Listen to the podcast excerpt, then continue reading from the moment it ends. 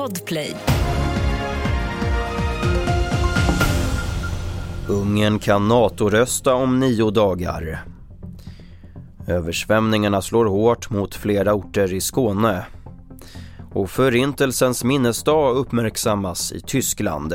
Det är rubrikerna där vi börjar med att det ungerska parlamentet ska rösta om den svenska NATO-ansökan på ett extrainkallat möte den 5 februari. Det här enligt SR. Samtidigt har Vita huset gett sitt godkännande till försäljningen av 40 nya F16-plan till Turkiet. Mer om det här på tv4.se.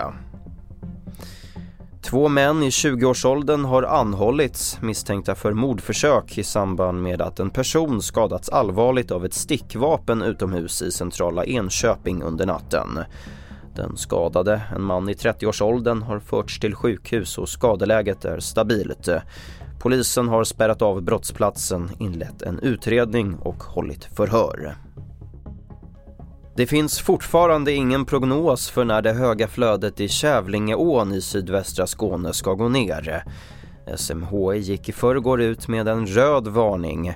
Husägare på flera orter har drabbats av översvämningar och koloniområdet i Kävlinge står i vatten. SMHI har även utfärdat gul varning längs med andra åar i centrala Skåne och höga vattenstånd längs de södra och sydvästliga kusterna. Idag är det den internationella minnesdagen för Förintelsens offer. Samma dag som när dödslägret Auschwitz-Birkenau befriades 1945. Runt 6 miljoner judar och miljontals andra människor mördades av den tyska nazistiska regimen och dess medlöpare. Vi hör vår utrikesreporter Jonas Källgren om hur den här dagen uppmärksammas i Tyskland.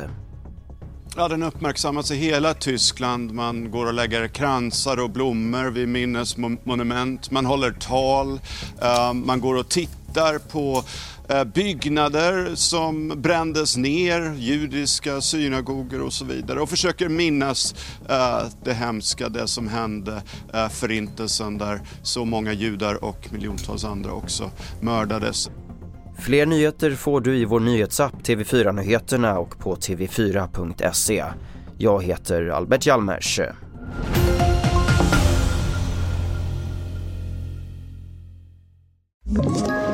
Ett poddtips från Podplay.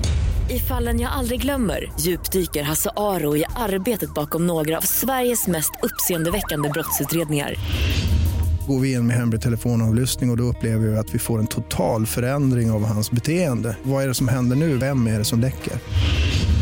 Och så säger han att jag är kriminell, jag har varit kriminell i hela mitt liv men att mörda ett barn, där går min gräns. Nya säsongen av Fallen jag aldrig glömmer på Podplay.